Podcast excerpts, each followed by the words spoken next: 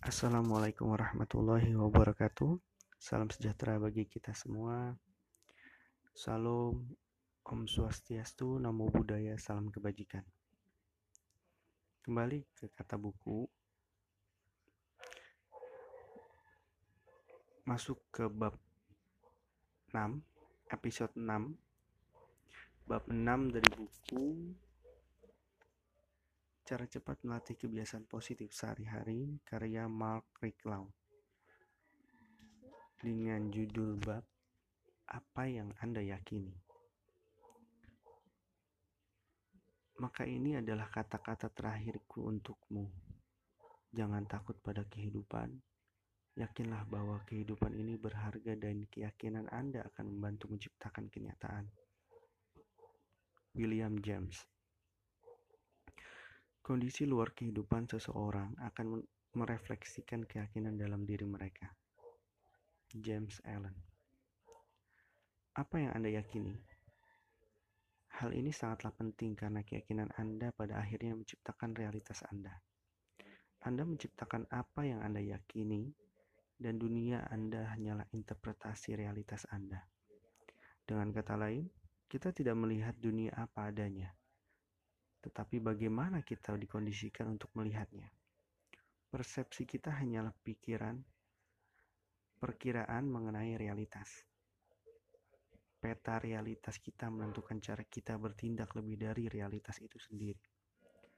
Setiap dari kita melihat dunia melalui lensa keyakinan mereka sendiri. Apakah ini terdengar seperti omongan kosong bagi Anda?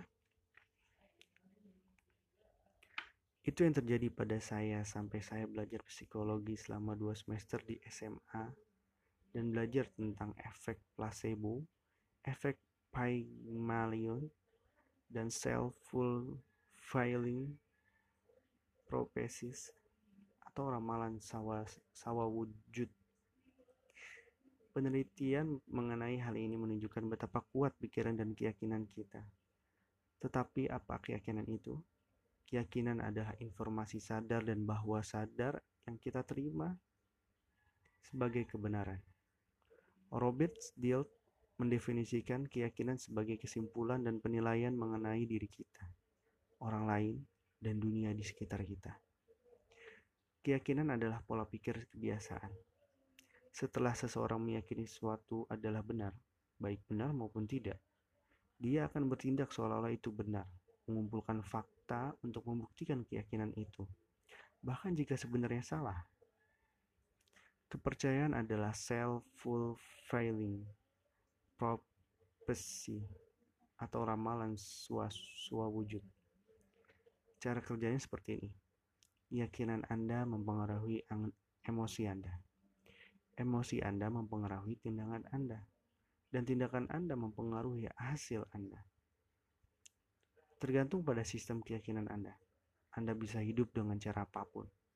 Saya ingin Anda menyadari bahwa hidup tidak berjalan begitu saja. Hidup adalah merefleksikan keyakinan, pikiran, dan ekspektasi Anda. Jika Anda ingin mengubah hidup Anda, harus lebih dahulu mengubah pola pikir Anda. Bahkan jika keyakinan itu datang dari sejak kita kanak-kanak, kita dapat mengubahnya. Tidak ada yang dapat memaksakan keyakinan Anda pada diri Anda. Andalah yang pada akhirnya dapat mengizinkan suatu keyakinan menjadi benar bagi Anda atau tidak. Percaya pada diri Anda sendiri adalah suatu sikap. Ini adalah pilihan.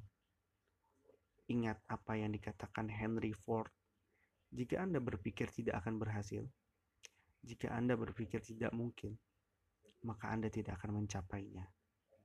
Sekalipun Anda berusaha dengan keras selama beberapa dekade, dianggap tidak mungkin seorang manusia dapat lari satu mil dalam waktu di bawah empat menit.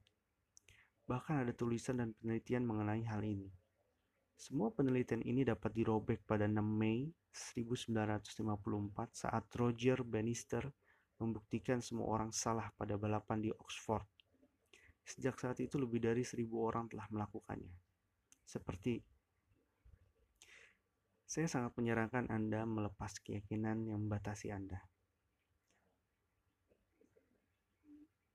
Poin pertama, seseorang tidak bisa sepenuhnya bahagia karena selalu ada sesuatu yang salah. Poin kedua, hidup itu keras. Poin ketiga, hanya orang lemah yang menunjukkan emosi. Poin keempat, kesempatan hanya datang sekali. Poin kelima, saya tidak berdaya dan tidak dapat mengontrol hidup saya. Poin keenam, saya tidak pantas mendapatkannya. Poin ketujuh, tidak ada yang mencintai saya. Poin ke-8, saya tidak bisa. Dan poin ke-9, ini tidak mungkin. Dan seterusnya. Dan ambillah keyakinan yang menguatkan seperti poin pertama, saya menciptakan takdir saya. Poin kedua, tidak ada yang dapat meyakini, tidak dapat tidak ada yang dapat menyakiti saya jika saya tidak mengizinkannya.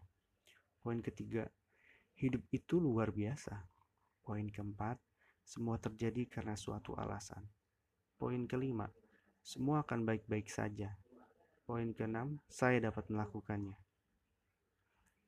Ajukan beberapa pertanyaan berikut pada diri Anda. Pertama, apa yang saya yakini benar mengenai diri saya? Poin kedua, apa keyakinan saya mengenai uang? Poin ketiga, apa keyakinan saya mengenai hubungan saya?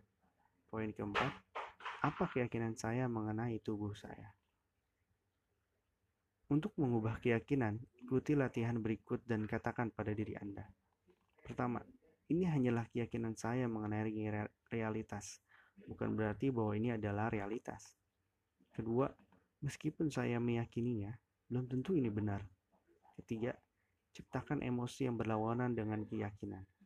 Empat, bayangkan yang sebaliknya. Kelima, sadari bahwa keyakinan hanyalah ide yang Anda miliki mengenai realitas dan bukan realitas itu sendiri. Enam, Selama 10 menit sehari, abaikan apa yang tampak nyata bertindak seolah-olah keinginan Anda menjadi nyata. Lihat diri Anda membelanjakan uang, sehat, lebih sukses, dan sebagainya. Latihan alternatif. Pertama, tuliskan keyakinan yang membatasi. Kedua, ingat urutannya.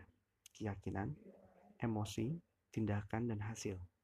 Ketiga, untuk mendapat hasil yang berbeda dengan cara apa Anda harus bertindak. Keempat, apa yang harus Anda rasakan agar bertindak secara berbeda dan mendapatkan hasil yang berbeda? Kelima, apa yang harus Anda yakini agar merasa berbeda, bertindak secara berbeda, dan mendapatkan hasil yang berbeda?